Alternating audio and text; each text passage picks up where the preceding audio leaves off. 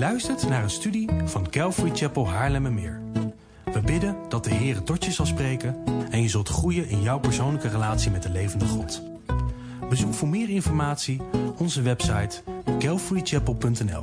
Dat is C-A-L-V-A-R-Y-C-H-A-P-E-L.nl.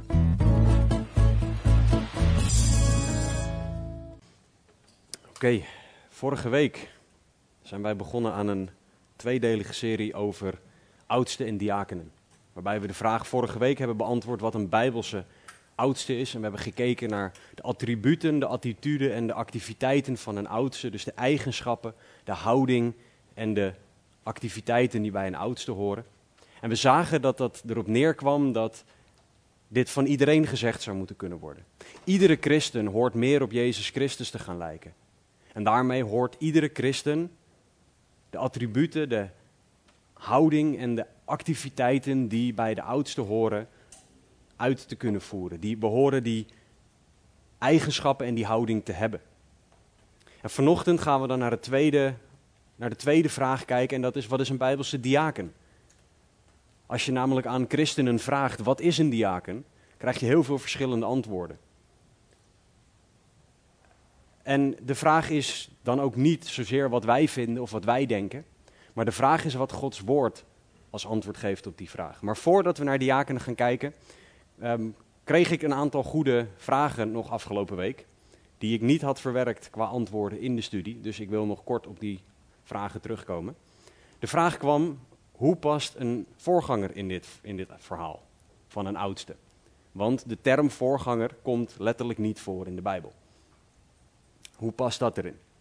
Nou, het antwoord is dat een voorganger een oudste is met een specifieke focus. De voorganger is degene die voor mag gaan, die de gemeente leidt, die ehm, samen met de overige oudsten de gemeente aanstuurt zoals God dat van ons vraagt. Daarmee is de voorganger niet beter, maar een voorganger is een oudste, maar niet elke oudste is een voorganger. Zoals een mus een vogel is, maar niet elke vogel een mus. Dus de voorganger en de oudste, dat past zeker heel goed samen, want elke oudste of elke voorganger moet een oudste zijn. En daarmee is het toezien op de gemeente, het hoeden en het voeden van onder andere, of door onder andere het onderwijs, is een taak van een voorganger of een dominee. Het is maar net welke naam je eraan geeft. En daarom, omdat dat de taak is die bij een voorganger of dominee hoort, is dat ook de reden dat een voorganger of, of een oudste moet zijn. En dat deze persoon dus moet voldoen aan de eisen zoals we die vorige week gezien hebben vanuit 1 Timotheus 3 en Titus 1. Dus voorganger is een oudste, maar niet elke oudste is een voorganger. Daarmee beantwoord ik ook gelijk de tweede vraag. Doet elke oudste hetzelfde? Nou, het antwoord daarop is nee. Want oudsten hebben verschillende focus. In Handelingen 15 is een heel mooi voorbeeld van waar de oudsten samenkwamen. En waarbij Petrus en Jacobus spraken tegen de groep. Zij waren blijkbaar de leiders binnen die groep.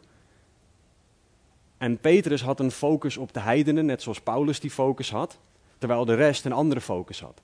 Jacobus bijvoorbeeld lijkt meer de voorganger geweest te zijn van de gemeente in Jeruzalem. Terwijl Petrus, die daar ook was, een andere focus had. En Paulus, die daar ook tijdelijk was, een andere focus had.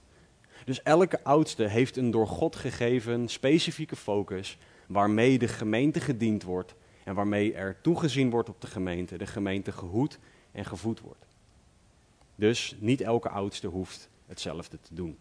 En God geeft daarmee dus een taak en een focus zoals Hij wil dat een oudste die heeft. Om daarmee het lichaam van Christus te kunnen dienen zoals God dat wil. Dus daarmee kunnen we ook nooit volledig hetzelfde verwachten van elke oudste. Want God heeft iedereen een uniek karakter gegeven. Maar Hij wil dat met dezelfde activiteiten, met dezelfde houding, met dezelfde eigenschappen, wel de gemeente gediend wordt zoals God dat van ons vraagt. Deze twee vragen waren naar voren gekomen. Als er nog meer vragen zijn, kunnen die altijd nog gesteld worden achteraf. Dan kan ik er altijd nog op terugkomen. Maar dit vond ik even belangrijk om hierop in te gaan. Dus laten we nu de focus verleggen naar de vraag van vandaag. Wat is een Bijbelse diaken? En hetzelfde als vorige week dat we begonnen met toen Romeinen 8:29 wil ik nu beginnen met 1 Johannes 2 vers 6. Johannes schrijft hier wie zegt in hem te blijven, moet ook zelf zo wandelen als hij gewandeld heeft. Dit zegt Johannes tegen de gemeente. Dit zegt hij tegen ieder individu in de gemeente. We moeten wandelen als hij gewandeld heeft. Jezus is de standaard en het voorbeeld. En dat geldt voor elke christen, inclusief oudsten en diakenen. En Jezus is daarmee dus ook voor de diaken, voor iedere christen, is hij de standaard. En in alles wie we zijn en wat we doen, horen we als Jezus te zijn. Dat is niet uniek aan een diaken. Dat is nogmaals een taak voor iedere christen. Dus wanneer we gaan kijken naar diakenen, moeten we ons beseffen dat Jezus Christus de standaard is. En niet ons denken, ons ideeën of documenten die door mensen gegeven zijn. We moeten er rekening mee houden dat de eigenschappen die bij een diaken horen ook weer op iedere christen gelegd zouden moeten kunnen worden. Want een diaken hoort op Jezus te lijken. En daarmee horen wij dus allemaal te leren van de eigenschappen van een diaken. We kunnen niet zeggen, ja, maar dat is voor iemand die verder is. Nee, wij mogen allemaal zo ver groeien als God voor ons heeft. En we mogen ons dus allemaal uitstrekken naar het wandelen zoals Hij gewandeld heeft. En voor de een heeft dat de specifieke invulling van oudste, voor de ander van diaken, voor de ander geen van beide.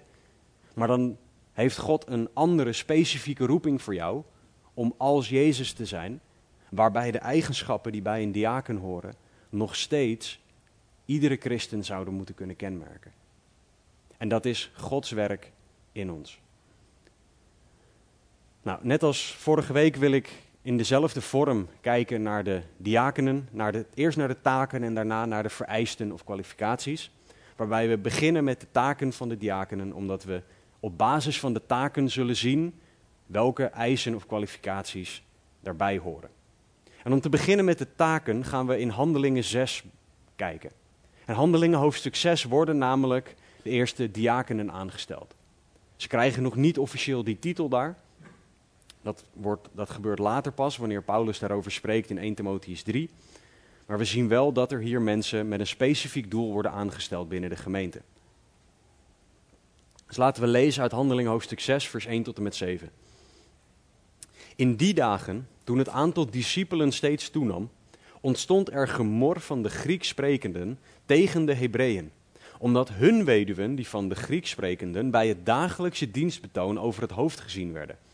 En de twaalf, de apostelen, riepen de menigte van de discipelen bij zich en zeiden: Het is niet behoorlijk dat wij nalaten het woord van God te verkondigen om de tafels te dienen. En dit tafels dienen is het Griekse woord diakoneo, waar wij het woord diaken van krijgen. Zie, zeggen ze, daarom uit, broeders, naar zeven mannen uit uw midden, van wie men een goed getuigenis geeft, vol van de Heilige Geest en van wijsheid, die wij, deze die wij voor sorry, deze noodzakelijke taak zullen aanstellen. Wij echter zullen volharden in het gebed en in de bediening van het woord, en dit woord behaagde heel de menigte. En zij kozen Stefanus, een man vol van geloof en van de Heilige Geest, Philippus, Prochorus, Nicanor, Timon, Parmenaas en Nicolaas, een proseliet uit Antiochië. Zij leidden hen voor de apostelen en die legden hun nadat zij gebeden hadden de handen op.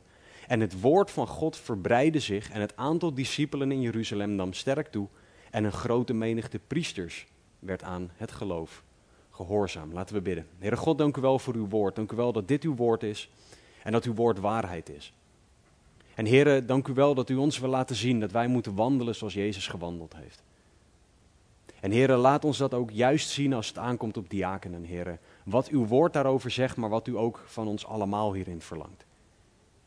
Dus heren, spreek tot onze harten. Laat er niks van mij bij zitten. Laat het woorden van eeuwig leven zijn die u spreekt. En heren, doe in ons wat alleen u kan. We vragen dit in Jezus' naam. Amen. Nou, we zien hier dus, zoals gezegd, dat de diakenen worden ingesteld. En in vers 2 gaat het over dus het dienen van de tafels, is het woord diakoneo, wat afgeleid is van diakonos, waar diaken vandaan komt. Nou, wat betekent dit nou? Want de Griekse les is leuk, maar wat betekent het? Het is iemand die de tafels dient, zoals het ook letterlijk vertaald werd. En dat komt dus neer op een hele praktische taak. Want tafels dienen, dat is gewoon iets wat er met handen en voeten moet gebeuren. Je moet naar de tafel toe lopen om hem schoon te kunnen maken. Maar de grondtekst zegt meer dan alleen het dienen van tafels. De grondtekst wijst op een bediening die anderen voorziet van noodzakelijke dingen voor het leven. En wat betekent dit nou, ook als je kijkt naar de context van Handelingen 6? Er waren weduwen die niet zelf genoeg geld hadden om voorzien te worden van eten. En de diakenen waren degenen die niet alleen het eten moesten uitdelen, maar die ook het eten moesten halen, dus het eten moesten kopen voor deze mensen. Dus dat betekent dat de diakenen geld in hun beheer hadden. Om de kritieke zaken die nodig waren voor de schapen te halen. En om daarmee de gemeente te dienen. Ze moesten uitdelen aan de gemeente wat er nodig was in de levensbehoeften van de gemeente. En de taak van de diaken ging dus ook om verzorgen en om op die manier dienen. En dat geeft al een heel ander perspectief dan alleen tafels dienen. Dan alleen tafels schoonmaken. Het gaat hier dus om mensen die een veel bredere en grotere verantwoordelijkheid krijgen dan alleen het met een doekje schoonmaken van een tafel. Maar je kan denken, waarom maken de apostelen geen tafel schoon? Zijn zij daar te goed voor? Nou, het antwoord is nee. Niemand is te goed voor het schoonmaken van een tafel, dus de apostelen, oudsten en wie dan ook niet. Dus je hoeft niet te denken, Jezus zou het doen, waarom deden deze oudsten dat niet? We, het moet niet, we moeten niet gaan denken dat de apostelen zichzelf hier te goed voor vonden. Bijbelcommentator David Guzik zegt: God riep deze apostelen niet om alles voor de kerk te zijn.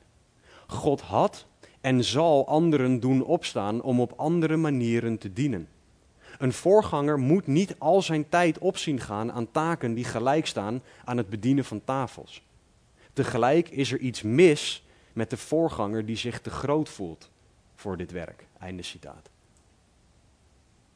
Dus de apostelen waren echt wel bereid om de tafels schoon te maken. Ze, ze, zagen zichzelf niet als beter. Alleen ze wisten dat ze een specifieke roeping van God hadden gekregen. Een specifieke taak. En ze zeggen, wij echter zullen volharden in het gebed en in de bediening van het woord. Ze wisten dat dat was waar God ze toe had geroepen. Maar de taak van de diakenen noemden ze ook een noodzakelijke taak. Alleen ze wisten, wij kunnen niet alles. Wij hebben maar beperkte tijd en energie en wij hebben een roeping van God. En de taak van de diaken was dus om de praktische noden van de gemeente te verzorgen. Om ervoor te zorgen dat de dingen geregeld werden die er geregeld moesten worden. Als aanvulling op de geestelijke zorg. Het was een noodzakelijke taak. En als we dan inzoomen op dat dit een praktische taak is, dan zien we dat de diakenen in Handelingen 6 de tafels moesten schoonmaken, oftewel onder andere voor het eten moesten zorgen voor de gemeente. Ze waren beheerders van het geld voor dat eten. Want in Handelingen 6 was er onvrede in de gemeente. En let dus op, de taak van de diaken was dus om door hun dienstbaarheid de onvrede en de onrust in de gemeente op te lossen. Dit is niet zomaar iets. De diaken heeft daarmee een ondersteunende, maar tegelijkertijd ook leidende taak binnen de gemeente. Ze leiden in het invullen van praktische noden. Ze nemen mensen mee en laten we samen zorgen voor deze noden. En dat onder de leiding en de verantwoordelijkheid van de oudsten, maar de diakenen vullen een hele hoop praktische dingen in, die waar de oudsten geen tijd voor hebben vanwege hun focus op de bediening van het gebed en het woord. Wat, wat belangrijk is, is dat we niet lezen dat de oudsten over de schouders van de diakenen meekeken. Heb je over dit detail nagedacht? Heb je over dat detail nagedacht? Of we lezen ook niet dat de diakenen voor alles verantwoording moesten afleggen. Natuurlijk was er een mate van rekenschap. Zeker als het om geld gaat, wil je dat het goed behandeld wordt. Maar we lezen nergens dat er micromanagement was, zoals dat in de zakelijke wereld gebeurt. Dat iemand tot op de minuut nauwkeurig wil weten wat je aan het doen bent. Nee, er was vertrouwen in God. Er was vertrouwen in de geest die werkte in deze mensen die de taak van diaken op zich namen. Er was vertrouwen in het feit dat men God en de gemeente ging dienen. En deze praktische zorg werd daarmee opgepakt, ingevuld door de diakenen. En er was een mate van onderling vertrouwen op basis van het geloof. Dit was een praktische zorg voor de gemeente, waardoor de oudsten er niet eens meer aan hoefden te denken. Maar zij konden zich richten op wat God van hun vroeg. God heeft een roeping voor ons allemaal om als Jezus te wandelen. En wij horen daardoor allemaal te zoeken naar Heer, wat verwacht u van mij? Wij horen allemaal te zoeken naar hoe wij de gemeente en God kunnen dienen. En misschien is dat wel dus op deze praktische manier waarbij jij de gemeente kan ontlasten, de gemeente kan dienen, praktisch voor de gemeente kan zorgen.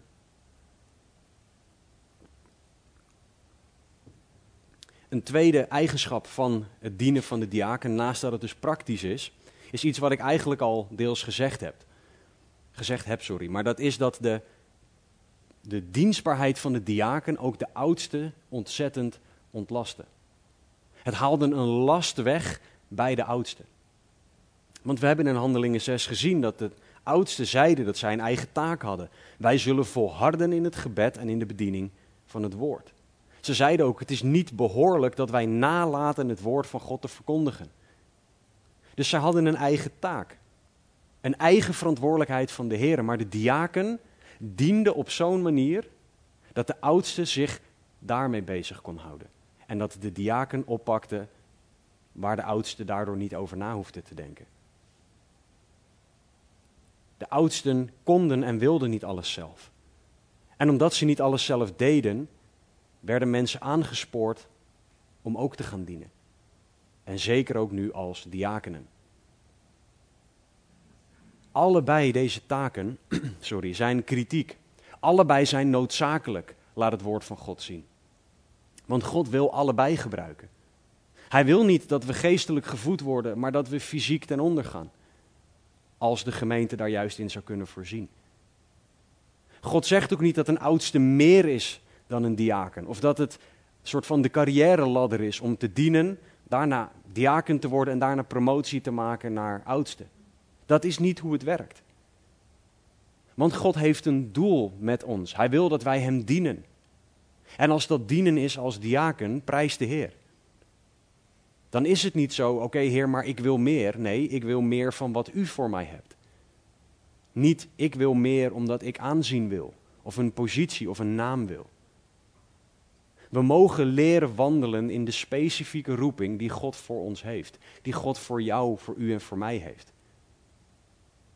En daarin mogen we elkaar ondersteunen. En de diaken was degene met organisatorische en praktische talenten.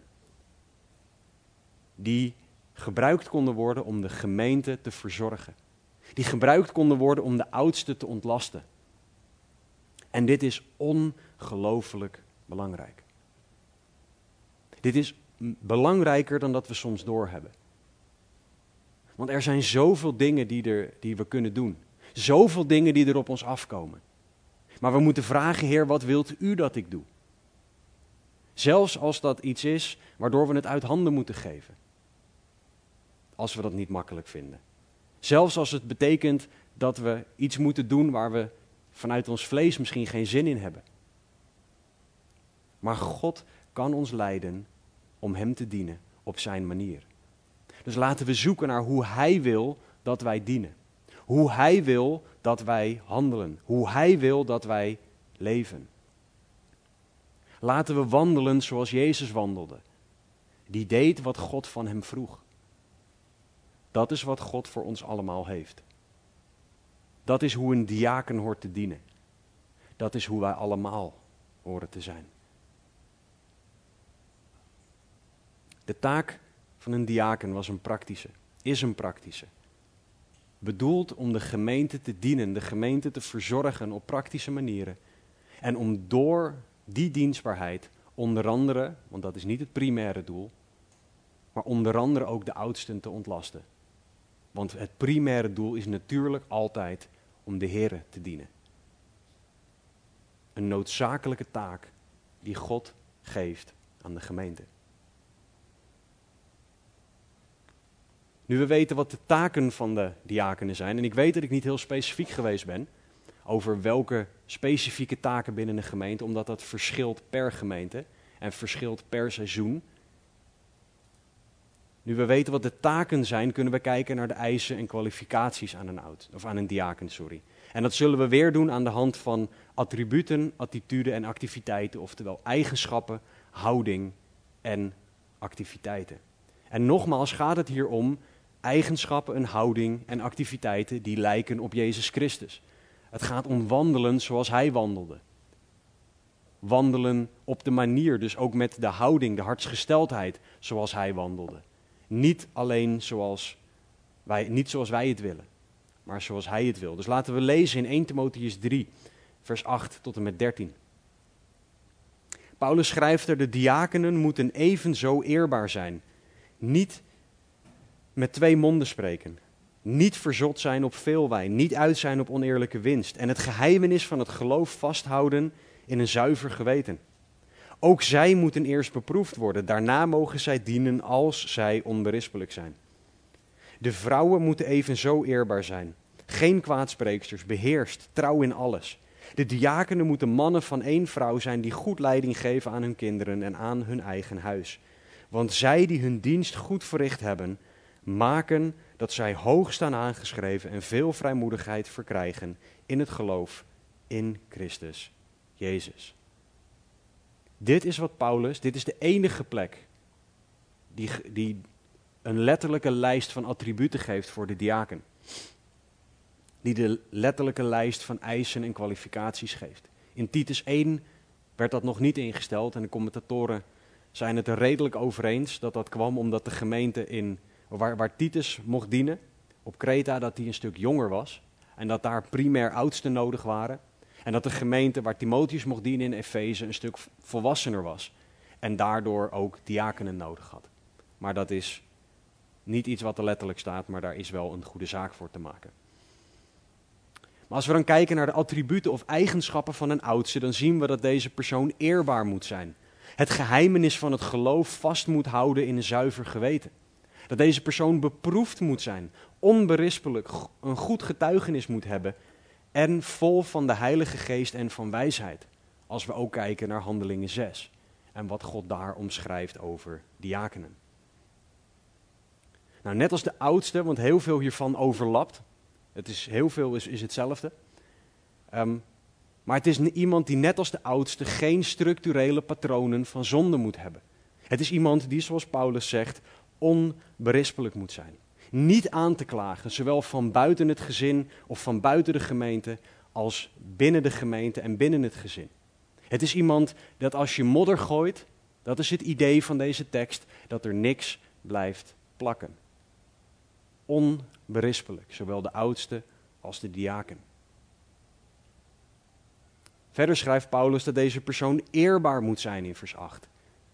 Wat neerkomt op eerlijk in de grondtekst. Deze persoon moet zijn of haar hart op tafel leggen. Eerlijk zijn over zichzelf en over de ander. En dat natuurlijk allemaal vanuit liefde. Hoe belangrijk is het dat wij in de gemeente eerbaar zijn?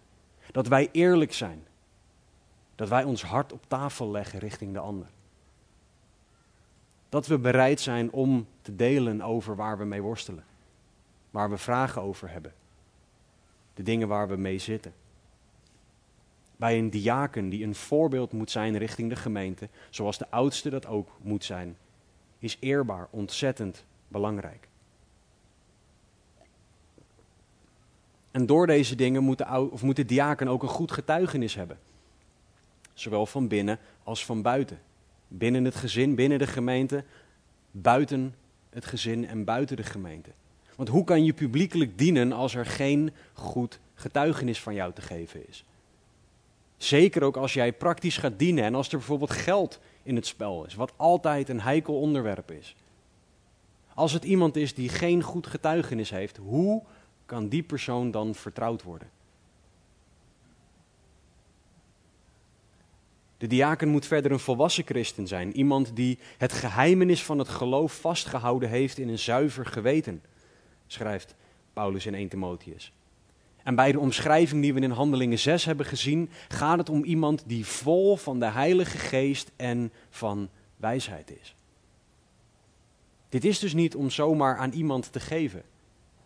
Dit is niet iemand die voor het eerst de gemeente binnenloopt, die je nog helemaal niet kent en dan zegt: Jij bent een diaken. Je moet leren kennen of iemand vol van de Heilige Geest en van wijsheid is. Je moet leren kennen of iemand het geheimenis van het geloof vasthoudt. En wat heel erg belangrijk is, is dat we inzien dat dit vereist is om ten eerste letterlijk tafels te dienen. Dat dit vereist is om praktisch te kunnen dienen. God legt de lat ontzettend hoog. Wandelen zoals Jezus wandelde. En wij mogen dus leren om dit in afhankelijkheid te doen, want niemand van ons voldoet uit zichzelf aan deze eisen. Maar God kan het wel in ons doen. Hij kan het door ons heen doen. Iemand die verantwoordelijk is voor de, het levensonderhoud van anderen, is iemand die je wil die aan deze eisen voldoet. En omdat het over zo'n gewichtige taak gaat, staat er in vers 10, ook zij moeten eerst beproefd worden. De oudste en de diaken moeten beproefd worden. Je kan niet iemand hebben die de gemeente binnenkomt en die zegt: Ik heb een goede opleiding gehad, een goede theologische opleiding gehad, dus ik ga hier oudste worden. Als iemand daarmee komt, heb je al een eerste reden om te zeggen: Nou, ik dacht het niet. Naast het feit dat die persoon voor het eerst binnenkomt lopen, als iemand met zo'n houding komt. Maar je moet beproefd worden. Je moet kijken of de persoon betrouwbaar is. En hoe doe je dat? Door hem een klein beetje te geven. Ga dit maar eens doen. En kijken hoe die persoon dat doet. Wat een hele mooie manier is om te kijken hoe iemands hartsgesteldheid is ten opzichte van dienen, is door iemand stoelen te laten neerzetten. Dan moeten jullie niet denken dat we jullie stoelen laten neerzetten voor de gemeente om te kunnen zien hoe jullie hart is. Maar stel, je hebt twee scenario's. Eén iemand die vraagt je om stoelen te dienen en die zegt ja en die gooit al die stoelen neer, zet ze soort van in een, in een, in een rij neer en gaat daarna koffie staan drinken. De tweede persoon vraag je, kan jij de stoelen neerzetten?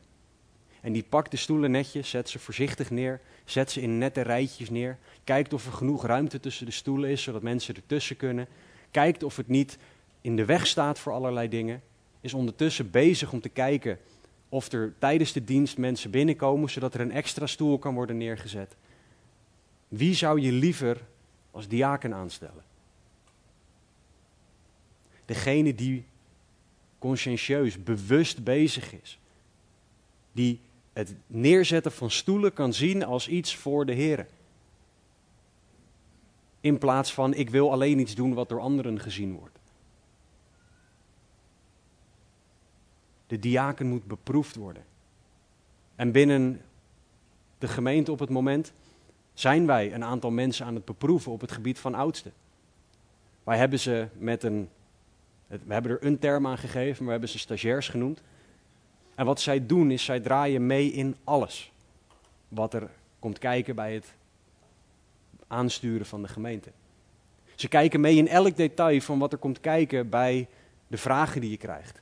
De vreugde die je mag delen. De pijn die, die je als gemeente meekrijgt. De worstelingen, de vragen voor counseling. Wat er dan ook komt.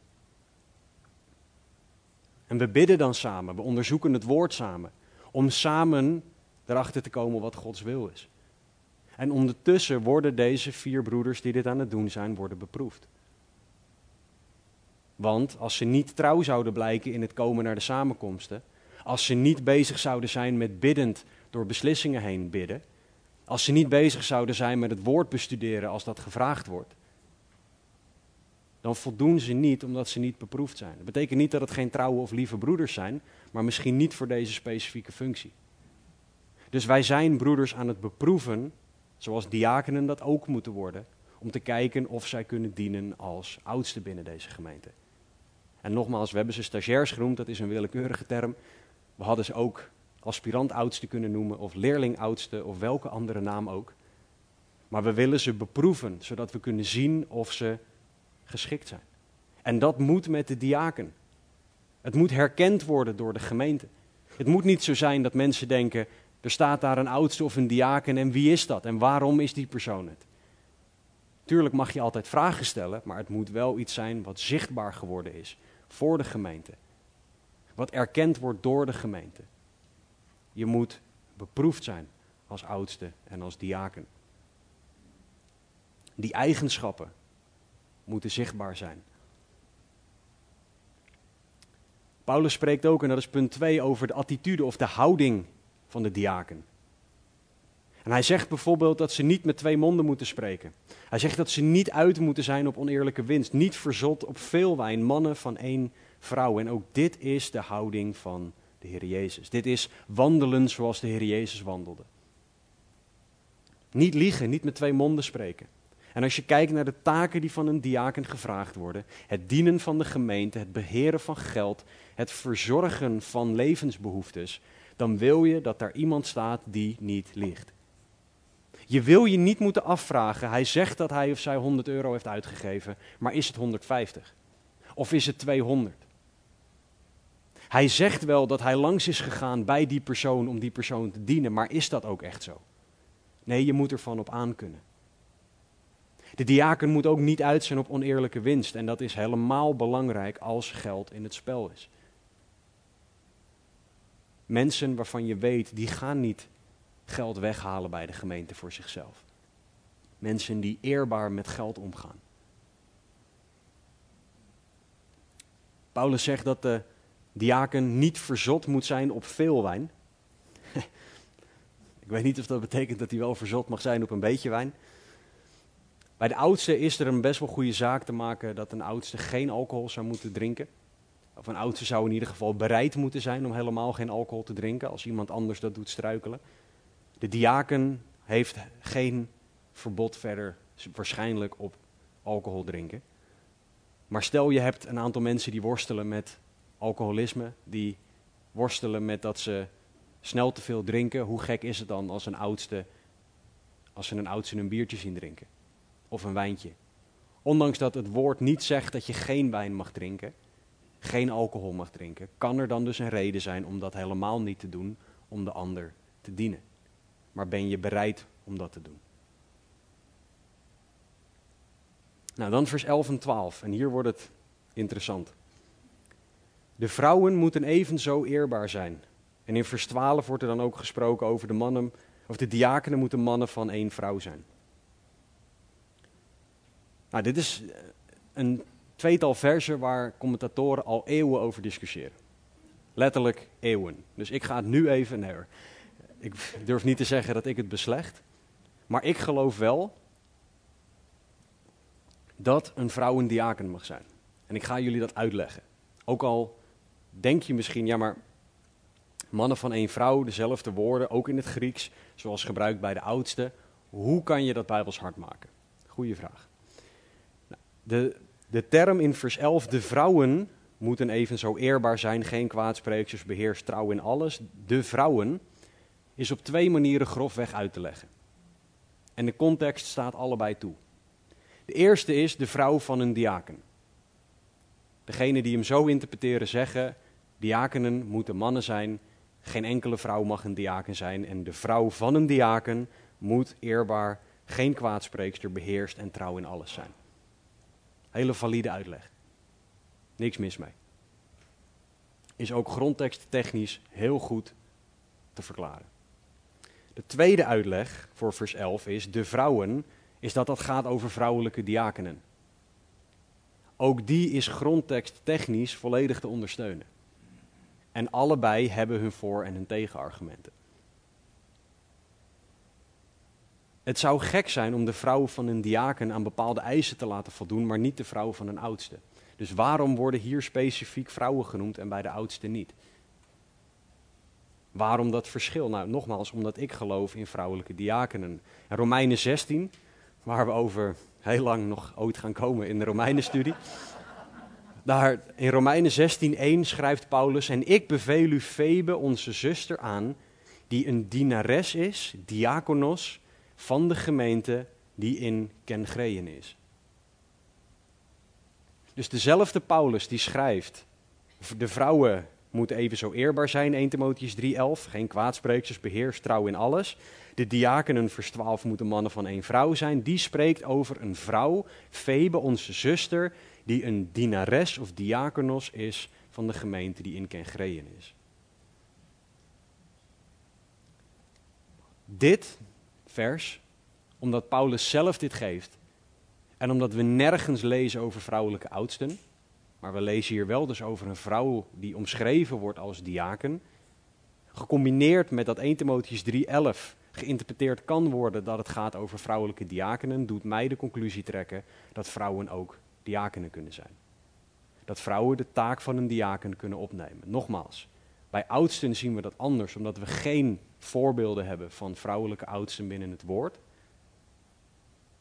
Maar we zien wel dus een voorbeeld, namelijk deze Febe in Romeinen 16, die wel deze taak vervult.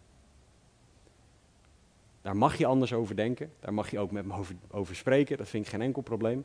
Maar dit is de conclusie die ik op basis van het woord trek, als ik de bredere context ook meeneem. En wat we dan zien is dat degene die, die als diaken dient, dat die trouw moet zijn in het huwelijk. Een huwelijk tussen één man en één vrouw, waarbij er levenslange trouw is, zoals het woord dat omschrijft. Dat is wat we zien. En welk geslacht de diaken ook heeft, de houding moet zijn als Jezus, wandelen als Jezus. Dit hoort over elke christen gezegd te worden. Wij horen allemaal te kunnen voldoen aan de eisen die er staan in 1 Timotheus 3, vers 8 tot en met 13. Want dat is het werk dat Jezus in ons wil doen. Dat is het werk dat de Heilige Geest in al onze harten wil doen. Zodat wij zullen wandelen als Jezus en zullen dienen zoals Hij wil dat wij dienen. Dat is een verantwoordelijkheid die niet alleen bij een diaken ligt. De diaken heeft dan ook nog een aantal specifieke activiteiten. Net zoals bij de oudste uh, staat er goed leiding geven aan hun kinderen en eigen huis. Ze moeten hun dienst goed verricht hebben en ze moeten de tafels dienen, zoals we ook in Handelingen 6 gezien hebben. En in dit alles moeten ze dus wandelen zoals de Heer Jezus. Nou, het goed leiding geven aan kinderen en eigen huis is vergelijkbaar met de oudste. Dus de diaken moet thuis goed dienen. De diaken moet het gezin dienen en moet ook een goed getuigenis vanuit het gezin hebben. Want als je God binnenshuis niet goed dient, hoe kan je God dan buitenshuis wel goed dienen? De diakenen moeten de tafels dienen. En dat is de, onder andere ook de houding van dat je geen taak te min vindt. Dat als iemand jou vraagt om binnen de gemeente een keer de wc schoon te maken, dat jij niet zegt, ja maar daar ben ik, daar ben ik niet voor. Dat is niet waarvoor God mij gered heeft. Ik denk niet dat wij doorhebben hoeveel dieper wij steeds moeten sterven aan onszelf. Als God wil dat jij u of ik een wc schrobt, moeten wij niet zeggen: Ja, maar daar hebt u mij niet voor gered. Wat nou als God jou gered heeft, zodat jij wc's kan schrobben en daardoor dienstbaarheid en liefde kan tonen naar de ander? Wie zijn wij om in te vullen wat God van ons wil met dienen? Jezus waste de voeten van zijn discipelen, wat het werk van de minste, van de minste, van de minste slaaf was. En hij zei ook niet, ja maar daar ben ik te goed voor. Hij deed het omdat dat het voorbeeld was dat hij moest geven. Als wij willen wandelen als Jezus, moeten wij bereid zijn om de tafels te dienen. Om te doen wat God van ons vraagt. Wat dat ook is. Ook als het ver buiten onze comfortzone ligt. Ook als het betekent dat we moeten omgaan met de meest irritante persoon die wij maar op deze planeet kunnen voorstellen. Een persoon die we niet vertrouwen, die we niet aardig vinden. Als God het van ons vraagt, wie zijn wij om nee te zeggen? En de diaken moet bereid zijn om op deze manier te dienen. Want dat is hoe Jezus diende. Moet je nagaan, hè? Jezus diende die drie jaar met Judas Iscariot aan zijn zijde wetende dat Judas Iscariot hem zou vertrouwen, of sorry, zou um, verraden. En hem in menselijk letterlijke zin de dood aan het kruis zou bezorgen. En Jezus diende langs zij met deze man. Waarom zouden wij anders moeten dienen? We horen de dienaar van allen te zijn, zoals Jezus dat was en is. Binnen de gemeente moet je bereid zijn om tafels te dienen. Om te doen wat God van je vraagt. Om de gemeente te dienen, om de gemeente op te bouwen, om mogelijk de oudsten te ontlasten als God dat van je vraagt. Maar je moet het willen doen. Als laatste staat er dat de diaken iemand moet zijn die hun dienst goed verricht hebben.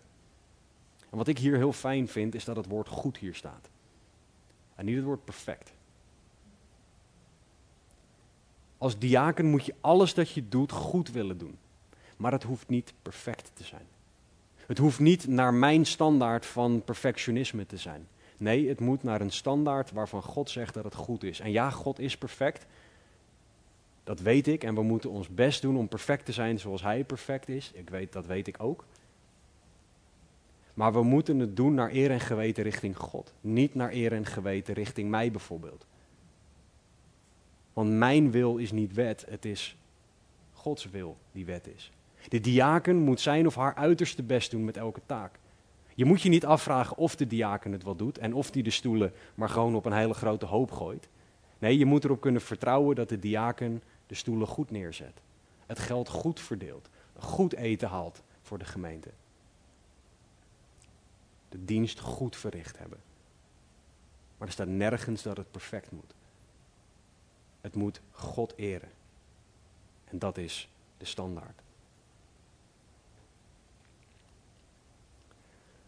Maar nu denk je misschien, het is leuk dat je dit allemaal verteld hebt, maar wie zijn de diakenen binnen deze gemeente? Die hebben we op het moment niet.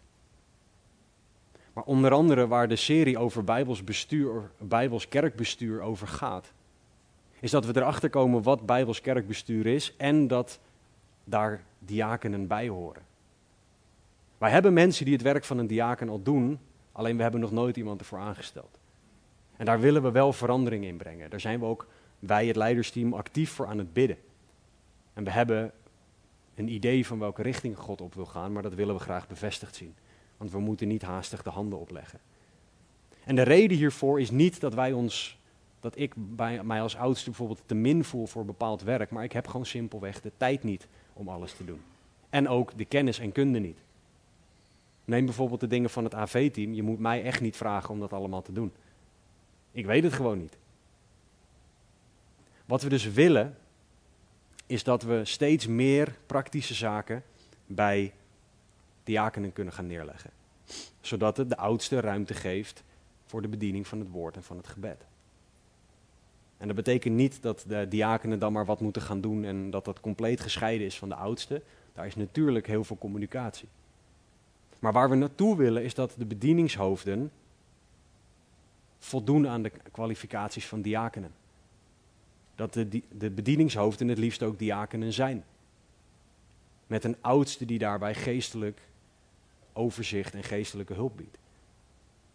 En dit is niet iets wat er morgen staat. Hè. Dit is iets waar we biddend naartoe aan het werken zijn.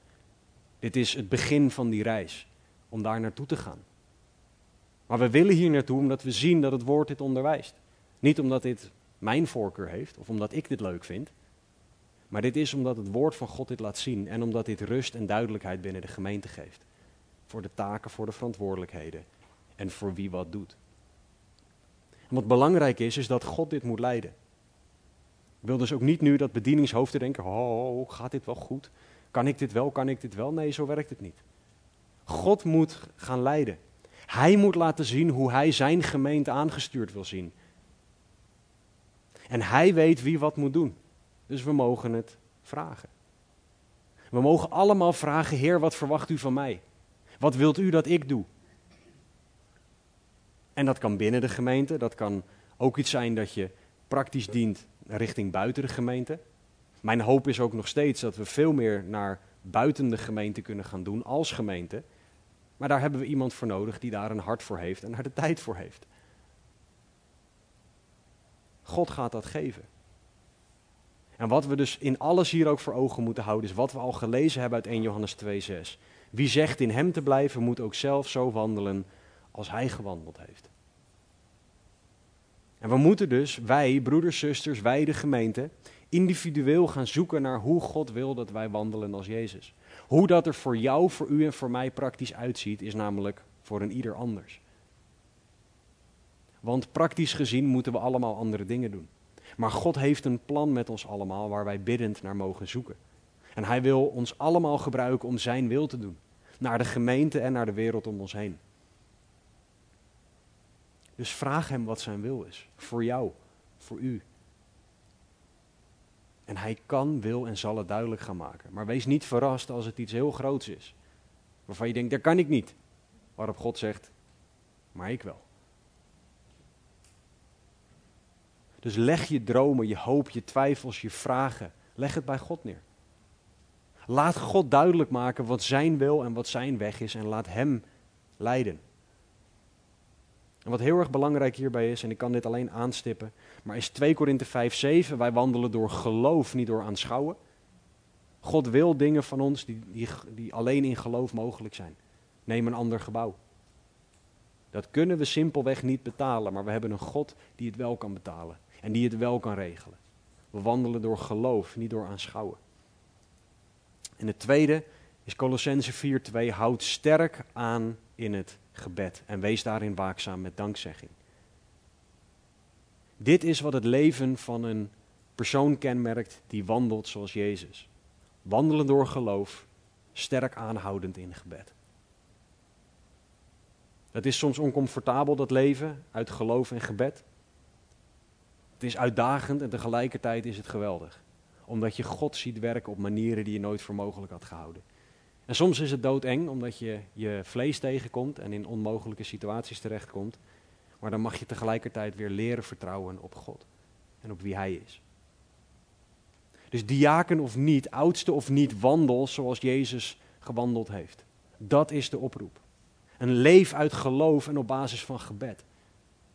Dus christen, onderzoek je hart. Ben jij bereid om te doen wat God van je vraagt, ook als Hij jou vraagt om tafels te dienen? Christen, wandel jij zoals Jezus? En zoek jij wat Hij voor jouw leven heeft en wat Hij voor jou wil, of wandel je naar wat jij wil?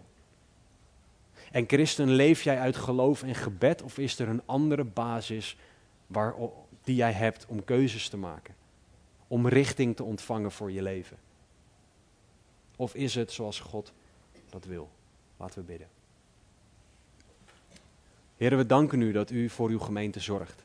En dat u door oudsten en diakenen aan te stellen laat zien dat u voor uw gemeente zorgt. Dank u ook dat u mensen daarvoor gaat aanstellen, heren. Oudsten en diakenen. Maar heren, voor ons allemaal vraag ik dat wij meer zullen gaan wandelen zoals u gewandeld hebt. Dat wij meer zullen gaan leven naar uw standaard. En dat wij meer zullen doen waar u blij van wordt. Heren, het is zo nodig dat wij gaan leven naar uw standaard. Dat wij gaan leven vanuit geloof en vanuit gebed. Heren, dat wij bijbelgetrouw gaan bidden, zodat we ook uw wil gaan horen en uw wil gaan doen. Heren, leid ons allemaal. Ruim alles uit onze harten weg wat u in de weg zit. Of wat in de weg zit voor het doen waar u, voor, waar u ons toe wil roepen. En help ons, leid ons alstublieft om te leven uit geloof. Om te wandelen in gebed, op basis van gebed. En om te gaan en te doen zoals u dat voor, ons hebt. Heren, leren ieder om op u te gaan vertrouwen. Heren, om u meer te geloven, u meer te zien, heren. Om uw stem te verstaan zodat we zullen wandelen naar wie u bent. Zodat we uit geloof zullen wandelen, zoals Jezus gewandeld heeft, in plaats van wandelen naar onze eigen wil. Heren, laat ook uzelf op dit moment aan ons allemaal zien, zij het voor het eerst of voor de zoveelste keer. Heren, breng mensen tot geloof, doe wonderen in hun levens alstublieft. En heren, we vragen dat u ons zal leiden, kracht zal geven, zal sterken en dat u ons ook zal helpen om u te dienen zoals u van ons vraagt waar en hoe dat er ook uitziet. Heren, we bidden en vragen, we leggen dit alles in uw handen. En heren, we doen dat uit genade in Jezus' naam. Amen. Aanbiddingsteam zal ons gaan leiden in een aantal liederen. Er zullen een aantal mensen aan de randen van de zaal ook gaan staan. Maar maak ook gebruik van de tijd waarin, het, waarin we samen zullen zingen en de Heer zullen aanbidden. Om God te vragen wat Hij voor jou heeft. Wat de plek en de manier is waarop Hij wil dat jij of u gaat dienen. En wat er mogelijk nog in de weg staat van dat dienen. Ga naar een van de mensen toe die aan de randen van de zaal zou gaan staan als je wil dat er met of voor je gebeden wordt. We bidden graag met je. Maar zoek echt de Heer en vraag Hem om jou te leren wandelen zoals Hij ook gewandeld heeft. Want dat is de standaard voor alles.